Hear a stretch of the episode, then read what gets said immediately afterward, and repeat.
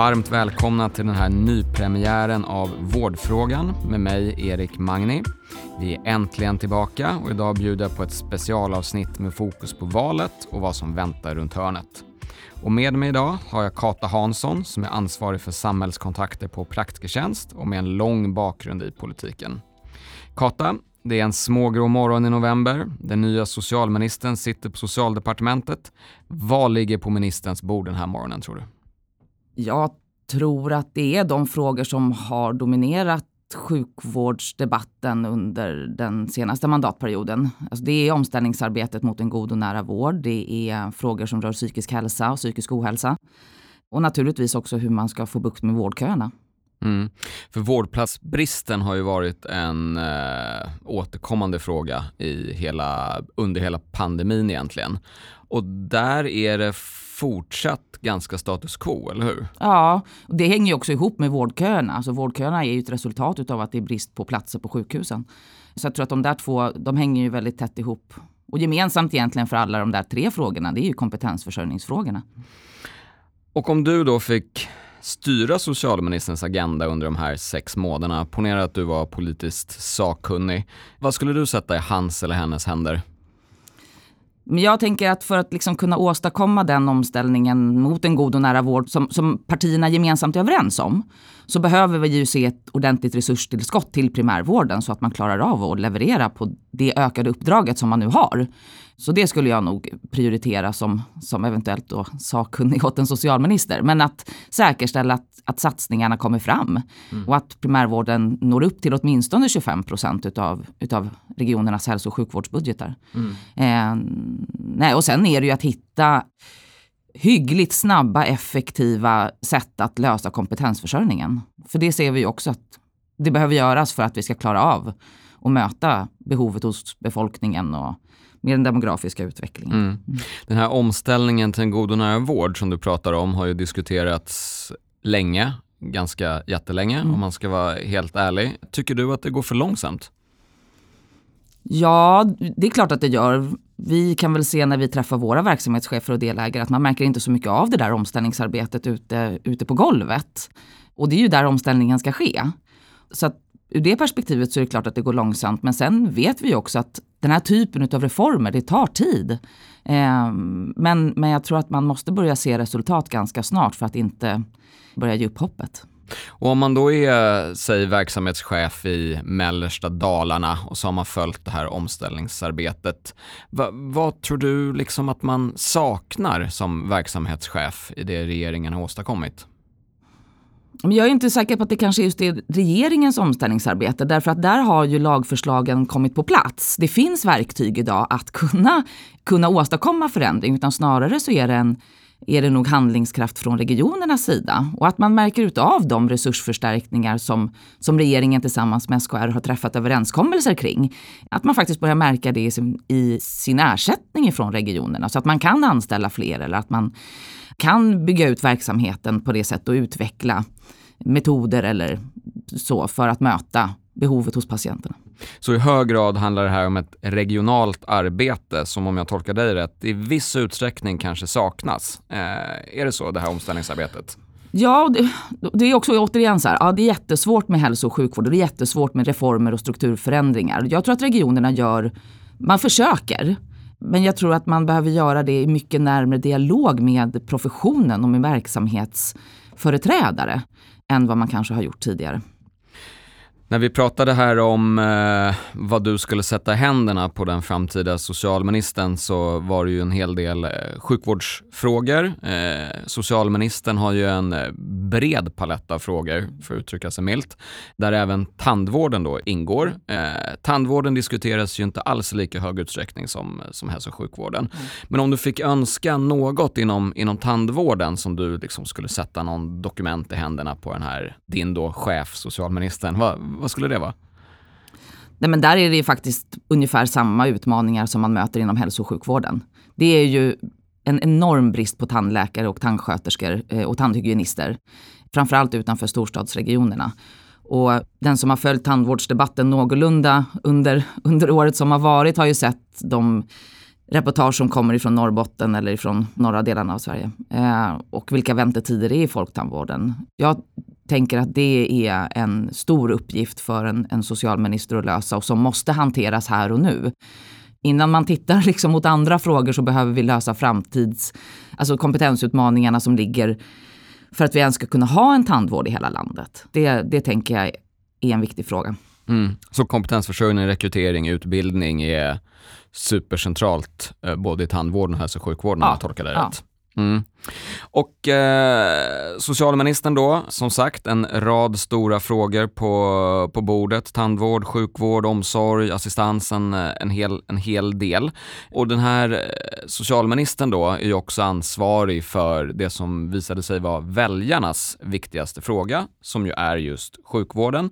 Och enligt otaliga opinionsmätningar så är ju det väljarnas by far viktigaste fråga får man väl säga. Men i själva valrörelsen så är ju ganska många bedömare att den var förhållandevis osynlig. Trots att väljarna ändå såg den som eh, nummer ett. Vad hände? Men jag tror att man ska börja i där, vad är, vad är en valrörelses eh, kärna? Och det är ju att visa fram skillnader mellan de politiska partierna. Eh, och i skillnaderna så finns det ju också en konflikt.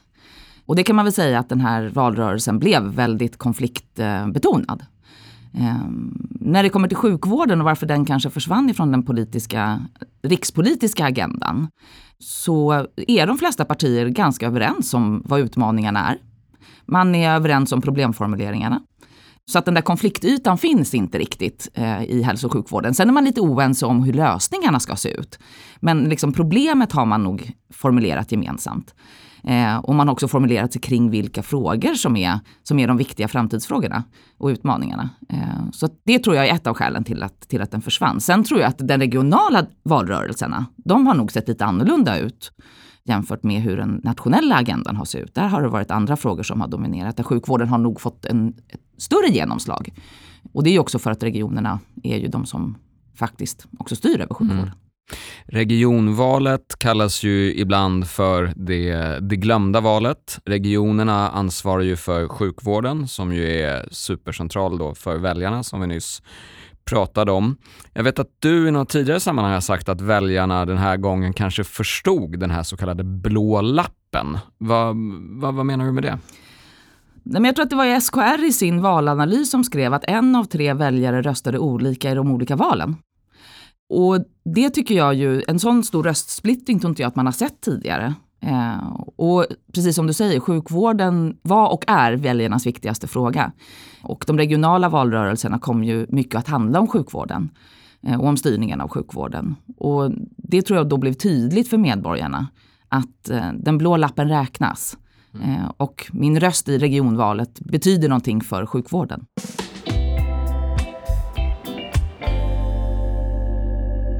En opinionsundersökning från Dagens Nyheter här som publicerades för några dagar sedan eller någon, någon vecka sedan visar ju att väljarna är ganska så kraftigt missnöjda med, med valrörelsen och ger den ett, ja, men ett ganska tydligt underbetyg. Om du skulle recensera den här valrörelsen jämfört med andra, du har ju jobbat i flera valrörelser tidigare vet jag.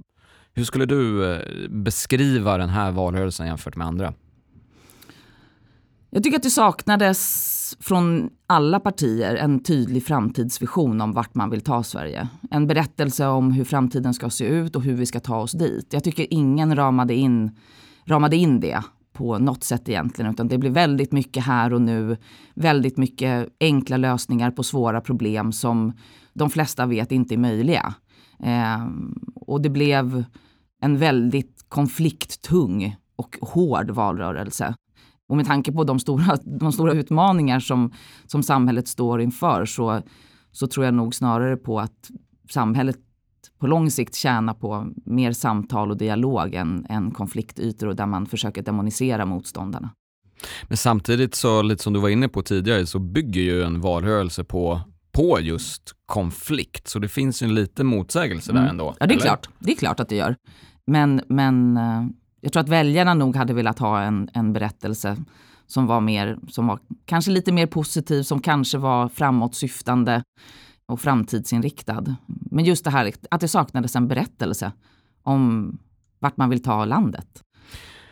I valrörelsen så var det ju som du nämnde energi en central fråga, gängkriminalitet en annan. Sjukvården var väljarnas viktigaste enligt opinionsundersökningar. Tandvården nämndes ju knappt, men var en liten bubblare. Sverigedemokraterna hade ju ett utspel kring det om eh, högkostnadsskydd och hade det som ett tydligt löfte i sitt eh, valmanifest. Varför fick tandvården inte mer uppmärksamhet tror du?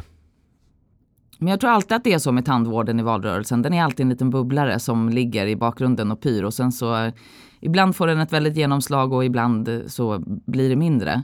Eh, det är ju en fråga som engagerar väldigt många och det engagerar stora grupper av väljarkåren. Framförallt bland, bland äldre. Så att Samtidigt så är det ju där, precis som i sjukvården, det finns väldigt få enkla lösningar på de problem som tandvården står inför. Högkostnadsskyddet skulle då enligt Sverigedemokraterna landa fullt utbyggt eller reformerat på mellan 6 och 7 miljarder kronor. Eh, skulle du säga att de här pengarna, är det en liksom rätt investering just nu givet många andra frågor? Jag tror att det finns betydligt fler andra frågor som man behöver ta i innan man tittar på ett högkostnadsskydd. För jag menar, ska vi ens kunna ha en tandvård i hela landet som erbjuder patienterna eh, vård i rimlig tid, mm. då behöver vi lösa kompetensförsörjningen. Vi behöver lösa hur vi ska säkerställa att det finns tandläkarmottagningar utanför de större städer, att det finns en hög tillgänglighet. Och det tror jag man måste ta i först, innan man börjar titta åt ett högkostnadsskydd som, som vi vet, ja, systemet kanske inte skulle klara idag. Nej, och sen om jag kan mina undersökningar rätt så är väl också patienterna ändå ganska så jättenöjda med hur tandvården fungerar. Ja, visst, patienterna är ju jättenöjda med hur, med hur tandvården funkar och med det bemötandet man får. Men där det brister det är ju just tillgängligheten mm. och då, då behöver man ju ta tag i det först. Mm. Um, så att också patienter i, i norr om Dalälven har tillgång till mm. god tandvård. Och tillgängligheten inom sjukvården är ju också en, eh, som vi har varit inne på redan, lite en eh, central fråga för väljarna och som ju har bidragit till att de här så kallade nätläkarna har, har vuxit fram som ju är en, en del av primärvården men ett separat spår som ju just nu utreds kan man väl säga. Det kommer ju en utredning här från eh, Konkurrensverket slutet av augusti där man då vill se att nätläkarna kanske justeras in i den, mm, den liksom traditionella primärvården. Det var ju ingen del av valrörelsen däremot, riktigt nätläkarna sådär. Men om jag bara frågar dig, hur, hur tror du att man liksom på sikt kan, vad ska man säga, mergea ihop de här två, två spåren? Vad, vad behöver man göra? De, de flesta vårdgivare idag som driver fysiska primärvårdsmottagningar har ju digitala lösningar också. Och det är på något sätt där det måste springa, det är där det måste bottna. Där det, för jag menar, vi pratar om att det är viktigt med kontinuitet. Eh, det är det som är det absolut mest avgörande för patientsäkerheten. Och för att fler ska kunna ha tillgång till en fast läkare så måste ju basen för patienten måste vara primärvården. Det måste vara dens egna vårdcentral. Mm. Och sen så ska man ju naturligtvis få, som patient få besök eller få träffa sin läkare på det sättet som passar en själv bäst. Mm. Men jag tror att vårdcentralen behöver vara utgångspunkten. Och sen ska det finnas digitala möjligheter utifrån din vårdcentral att ha kontakt med den naturligtvis. Mm. Men just de här fria spåren där på något sätt det råder någon sorts fri dragningsrätt. Och ett politiskt parti har ju drivit en fråga eh, om sjukvården i valrörelsen och det är ju Kristdemokraterna som har pratat länge om ett förstatligande av sjukvården. Just den frågan fick ju inte särskilt mycket utrymme i eh, debatterna kan man ju säga. Varför tror du att det blev så? Jag tror att de flesta politiska företrädare är överens om att det finns andra stora framtidsfrågor som behöver hanteras innan vi gör en stor omorganisation. Så att det är nog skälet. Um. Att det finns andra frågor som brinner mer ja, än att ja. sjösätta en jättereform. Ja. Liksom. Ja. Men det låter väl inte alldeles orimligt. Men sen så har ju många andra politiska partier vid sidan av Kristdemokraterna har ju ändå sagt att staten behöver ta ett större ansvar eller vi behöver ha mer statlig styrning mm. eh, utav, utav hälso och sjukvården och kanske framförallt primärvården. Mm. Och det är ju någonting som, som jag också ser ett behov utav. Idag finns det ju 21 stycken olika små-Sverige i mm. Sverige om man tittar på hur, hur vården styrs. Mm. Så det är klart att mer samordning mellan de här kön, det skulle inte skada. Önskvärt. Önskvärt. Ja, verkligen. Du, jag tänkte valet då, rekordjämnt får man väl ändå säga. Tog ett par dagar innan utlandsröster och sena förtidsröster och allting annat gjorde att eh, lag blå, lag Kristersson faktiskt tog, eh, tog hem det här då. Sitter nu på ett par mandat mer, bräcklig grund kan man säkert eh, argumentera för. Vad tror du om liksom den kommande man mandatperioden? Kommer det här att hålla eller kommer vi se politiska vildar till höger och vänster som sätter käppar i hjulet? Nej, men jag tror att man kan förvänta sig att det kommer att vara fortsatt väldigt rörligt eller stökigt eller vad man nu ska säga. Rörligt och rörigt. Rörligt och rörigt, ja precis. Eh, det är trots allt bara tre mandat Ja. som skiljer de båda sidorna åt eller de båda lagen åt. Så att jag menar vad som helst, vad som helst kan ju hända i riksdagen och även om man har en stabil, stabil regering och en stabil överenskommelse inom ramen för ett regeringssamarbete så har ju inte regeringen någon makt över riksdagsledamöterna. Idag är det den eh, 5 oktober, det är då vi spelar in det här. Det är ingen regering på plats än. Ulf Kristersson ska ha en avstämning med talmannen idag. Ulf har ju, Kristersson har ju tidigare sagt att han avser att bilda regering framförallt med Kristdemokraterna. Det spekuleras ju också i att Liberalerna skulle ingå i en sådan regering. Var, varför skulle Ulf Kristersson och Kristdemokraterna välja att ta in Liberalerna i regeringskansliet tror du? På statsrådsposter? Men man får ju ändå en mer cementerad eh, majoritet. En mer etablerad majoritet och lite stabilare. Eh, också sett till hur naturligtvis riksdagsgrupperna och riksdagsmajoriteten påverkas av att man har ett parti i regeringsställning. Så det, det tror jag är, är skälet. Skulle man kunna säga att det blir lättare att styra Liberalerna om de sitter i, med statsrådsposter? Man blir ju åtminstone överens om avgörande frågor i ett budgetsamarbete. Så det, jag menar, det sätter ju ramen för, för ett sådant samarbete såklart. Mm. Men sen är det ju upp till en riksdagsledamot är ju vald på ett politiskt mandat, eller ett Mm. eget mandat. Om några dagar så har det ju gått eh, nästan en, eller har gått en månad sedan eh, valet. Vi har ännu inte sett en regering på plats. Varför tar det sån tid tror du? Nej, men jag tror att det här är som väntat. De ska formera sig i ett nytt samarbete och det ska förhandlas och man ska bli överens om vilka frågor som, som man är överens, ska vara överens om. Jag tror inte att det här är något, jag tycker inte att det här är någon lång tid. Och om du skulle våga spekulera om några liksom stöttestenar i de här förhandlingarna, vad, vad skulle det kunna handla om? Kan det finnas någonting om sjukvården som man inte är överens om exempelvis? Nej, det tror jag inte. Nej. Jag tror att det är andra frågor som är betydligt högre upp på agendan. Till exempel de frågorna som kommer att dominera valrörelsen. Mm. Frågor alltså hur man ska lösa energikrisen. Vad, vad är det? För man måste ju också visa väljarna på någon form av handlingskraft. Mm. Att man faktiskt klarar av att ta hand om det här. Och man har ju lovat saker under valrörelsen. Nu ska man ju också, nu är det lite upp till bevis gentemot väljarna. Som ju har röstat på de här partierna. Det ser ju alltså ut att bli eh, maktskifte, eller det mesta talar väl för det, efter åtta år av en socialdemokratiskt ledd regering. Eh, vad tar du med dig från vad Socialdemokraterna och Miljöpartiet har åstadkommit under de här åtta åren? Nej, men det första och det största det är ju naturligtvis reformarbetet när det gäller primärvården och omställningen till en god och nära vård. Man har ju tagit två steg under de här åtta åren med två stycken olika eh, propositioner. Där den sista också kom att specificera primärvårdens uppdrag i mycket större utsträckning. Vilket jag ser som väldigt positivt därför att då har man på något sätt någon, någonting att titta mot. Vad, är det primär, vad förväntas det av primärvården?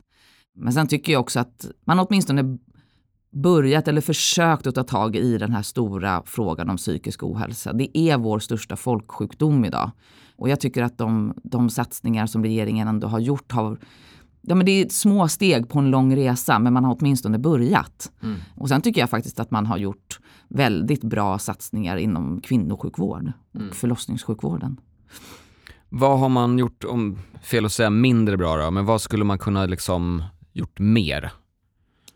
Nej, men det är väl kanske att ha varit tydligare i de överenskommelser som man har träffat med SKR. Att kanske gått fram lite skarpare. Men jag menar, det är ju överenskommelser. Där måste ju båda parterna vara överens. Mm. Regeringen fick väl, om jag minns rätt, en del kritik, oklart från vilket håll kanske, men att man var ganska utredningstung i alla fall i, under den första mandatperioden eh, och sen delvis inledningen av andra får man väl ändå säga. Man gjorde ju om Göran Stiernstedts utredning, man tillsatte Anna Nergård för egentligen att utreda det han delvis redan hade utrett. Sen fick ju han en ny utredning som bland annat skulle titta på nätläkarna så att säga. Så det tog ju ett par år ändå, ändå innan man kom med de här reformerna som du beskrev. Varför tror du att det tog ändå förhållandevis lång tid att komma till skott? Ja, men där tror jag faktiskt att man ska gå tillbaka till det svenska beredningskravet. Alltså, det går inte så fort i Sverige när vi gör saker, men när vi gör saker så blir det rätt från början. Och det ska vi nog vara ganska glada för. För att annars så skulle det ju kunna bli hela havet stormar. Så att, och den stora omstöpningen eller omgörningen av primärvården eller sjukvården som vi ändå, som ändå den här om, omställningsarbetet mot en god och nära vård betyder. Det är klart att det måste finnas en väldigt, väldigt väletablerad grund där man är överens om hur det här ska gå till. Mm. Eh, man eh, offentliggjorde och gjorde också en ganska rejäl utredning på tandvårdsfronten får man, får man väl säga. Vad handlade det om? Ja, men det var ju att försöka ta tag i de frågor som naturligtvis väljarna är väldigt oroliga för. Det är ju trots allt så att, att gå till tandläkaren för en del kostar mycket och gör att en del patienter väljer att inte gå till tandvården fastän att man har stora vårdbehov. Och det är, tandvården är ju en fråga som Socialdemokraterna länge har, har varit engagerade i så att den är också viktig för, för partiets egna medlemmar. Och från den utredningen som ju presenterades här för ungefär ett och ett halvt år sedan så har det ju inte, om jag minns rätt, kommit några liksom direkta sakpolitiska förslag eller skarpa propositioner. Eh, varför tror du att man har liksom väntat lite med det? men jag tror också precis det här som i, i andra områden, det är svårt. Vad är det för vad är det man ska gå fram med? Och så vet man att också tandvården har den här stora utmaningarna med kompetensförsörjning, med tillgänglighet som ju kanske är liksom i grunden är viktigare eh, för att ens kunna lösa till, alltså, den jämlika tillgången till tandvård i hela landet.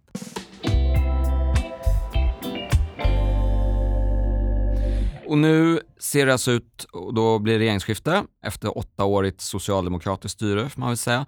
Vad skulle du säga att det kan bli för skillnad jämfört med en moderatledd regering jämfört med en socialdemokratiskt ledd regering?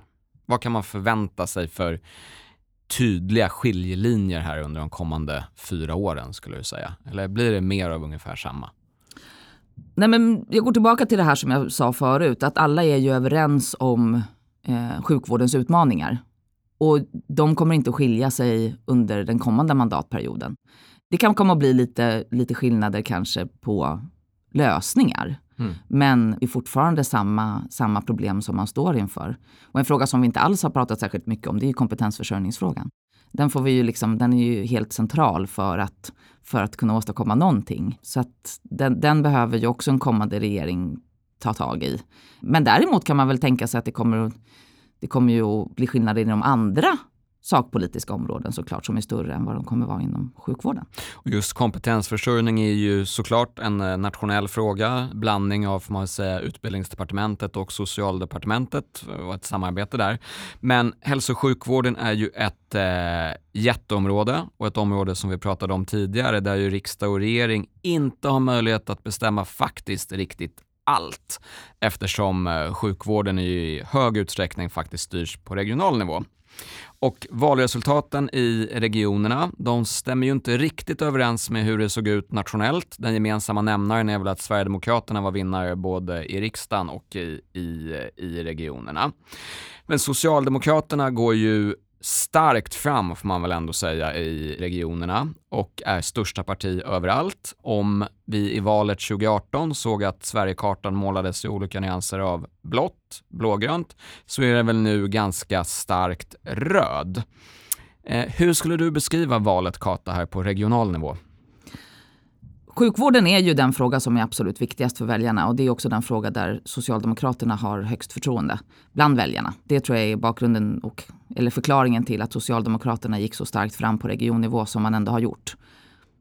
som vi pratade om tidigare, väljarna har kanske förstått innebörden av den här så kallade blå lappen, Ja, reg- regionvalet. Man vet vad den betyder. Man vet vad den betyder och man vet också att det är skillnad på politik på riksdagsnivå, på regional nivå och på kommunal nivå. Att det är olika inriktningar beroende och att man liksom kan rösta olika för att få olika politik. Sverigedemokraterna, som jag nämnde tidigare, går ju starkt framåt. Eh, på regional nivå är Centerpartiet stora förlorare, Miljöpartiet, Liberalerna åker ut i flera fullmäktige. Det skulle man ju kunna gissa kanske innebär att det blir svårare att skapa stabila majoriteter. Hur, hur skulle du beskriva liksom läget för liksom kanske framförallt S och M och lyckas bilda lag på sina respektive sidor runt om i landet? På många håll så är det jättesvårt att hitta just stabila majoriteter. Och det kanske också är så att vi får vänja oss vid att, att den stabila majoritetens tid är förbi. Det kanske snarare är stabila minoriteter som vi kommer att se. För att vårt valsystem bygger ju på en vardag där det inte är 8, 9, 10 partier som det nu kan vara i både på region och på kommunnivå. Och det gör ju att de där mandaten fördelas ju väldigt brett. Och då är det klart att då blir det svårt att hitta den här eh, stora gemensamma blockmajoriteten som, som vi tidigare har kunnat se. Om du ska liksom lista några regioner där det ser ut att kanske bli extra stökigt, om du har två, tre kanske på, på lager som du vet, här, här ser det svårt ut. Vilka skulle det kunna vara? Mm, både i Stockholm och Västra Götaland så tror jag att man... Det kommer att gå, men det kommer att krävas väldigt mycket. Jag tror också att i...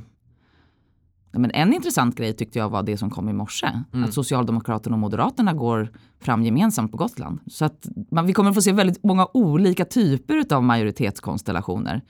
I Kalmar så går Socialdemokraterna tillsammans med Centern och Vänsterpartiet. Så att det kommer att se väldigt, väldigt annorlunda ut i Region Sverige när väl allting har, har landat på plats inom de kommande veckorna. Det känns ju som att man på regional nivå är väsentligt mer pragmatisk kanske än vad man är på nationell nivå. Kan det stämma? Ja visst, man är ju så otroligt nära verksamheterna.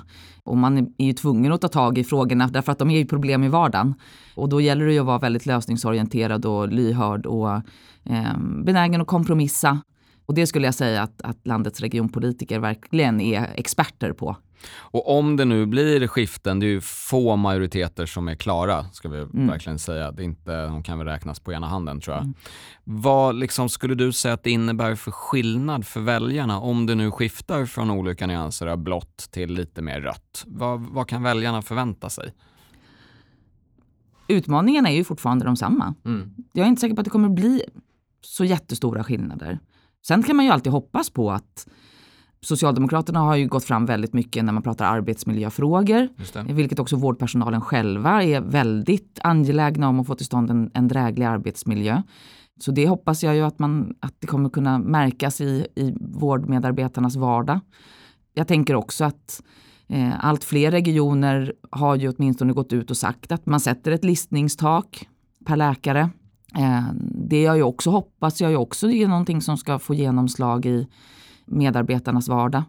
Eh, rätten till en fast läkare. Så jag tror att man, inte för att säga att tidigare majoriteter har misslyckats, men nu måste det liksom börja märkas förändring för att det inte ska kännas hopplöst. Tänkte att vi ska gå tillbaka till den här gråmulna novemberdagen på socialministerns kontor här 2022. Men om vi spelar fram till kanske maj 2026 på socialministerns eh, kontor. Vad skulle du hoppas på att den här personen har, har åstadkommit? Om du ska nämna en, två eller tre saker, vad skulle du vilja se för praktiska förändringar för väljarna och för sjukvården och tandvården? En önskelista En kan man väl önskelista. säga. Ja. Nej, men då, nej men då önskar jag ju att man har lyckats ta tag i frågorna som rör resursförstärkningen till primärvården. Att det faktiskt märks hos medarbetarna eh, ute på landets vårdcentraler att resurserna har ökat. Och naturligtvis så önskar jag ju för alla patienter som idag står i kö och väntar på operation att man faktiskt har fått den där operationen som innebär att man kan gå tillbaka till ett mer normalt liv, eller slippa ha ont. Och, och sen så att naturligtvis att vi har med gemensamma krafter skulle jag vilja säga. För det, kompetensförsörjningen kan inte en regering själv lösa. Det måste vi tillsammans, göra tillsammans allihopa. Och där hoppas jag att man har, att man har gett också oss som, som privata utförare möjligheten att i större utsträckning bidra till att lösa kompetensförsörjningsfrågorna. För att jag menar, vi har både kunskapen och kompetensen och resurserna och att göra det. Och vi vill vara med och göra det. Ehm, det är inte alltid det framkommer i debatten, men, men så är det ju. Och att vi har lyckats liksom hitta system för att inom vissa kategorier överutbilda för att också kunna förstärka personalförsörjningen i både den egna regionen men också i hela landet. Och med den önskelistan så tackar jag dig Kata och för att du guidade oss genom det här politiska landskapet.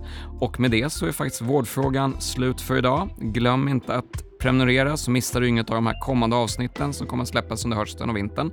Tack så mycket för det. Vi hörs igen. Tack.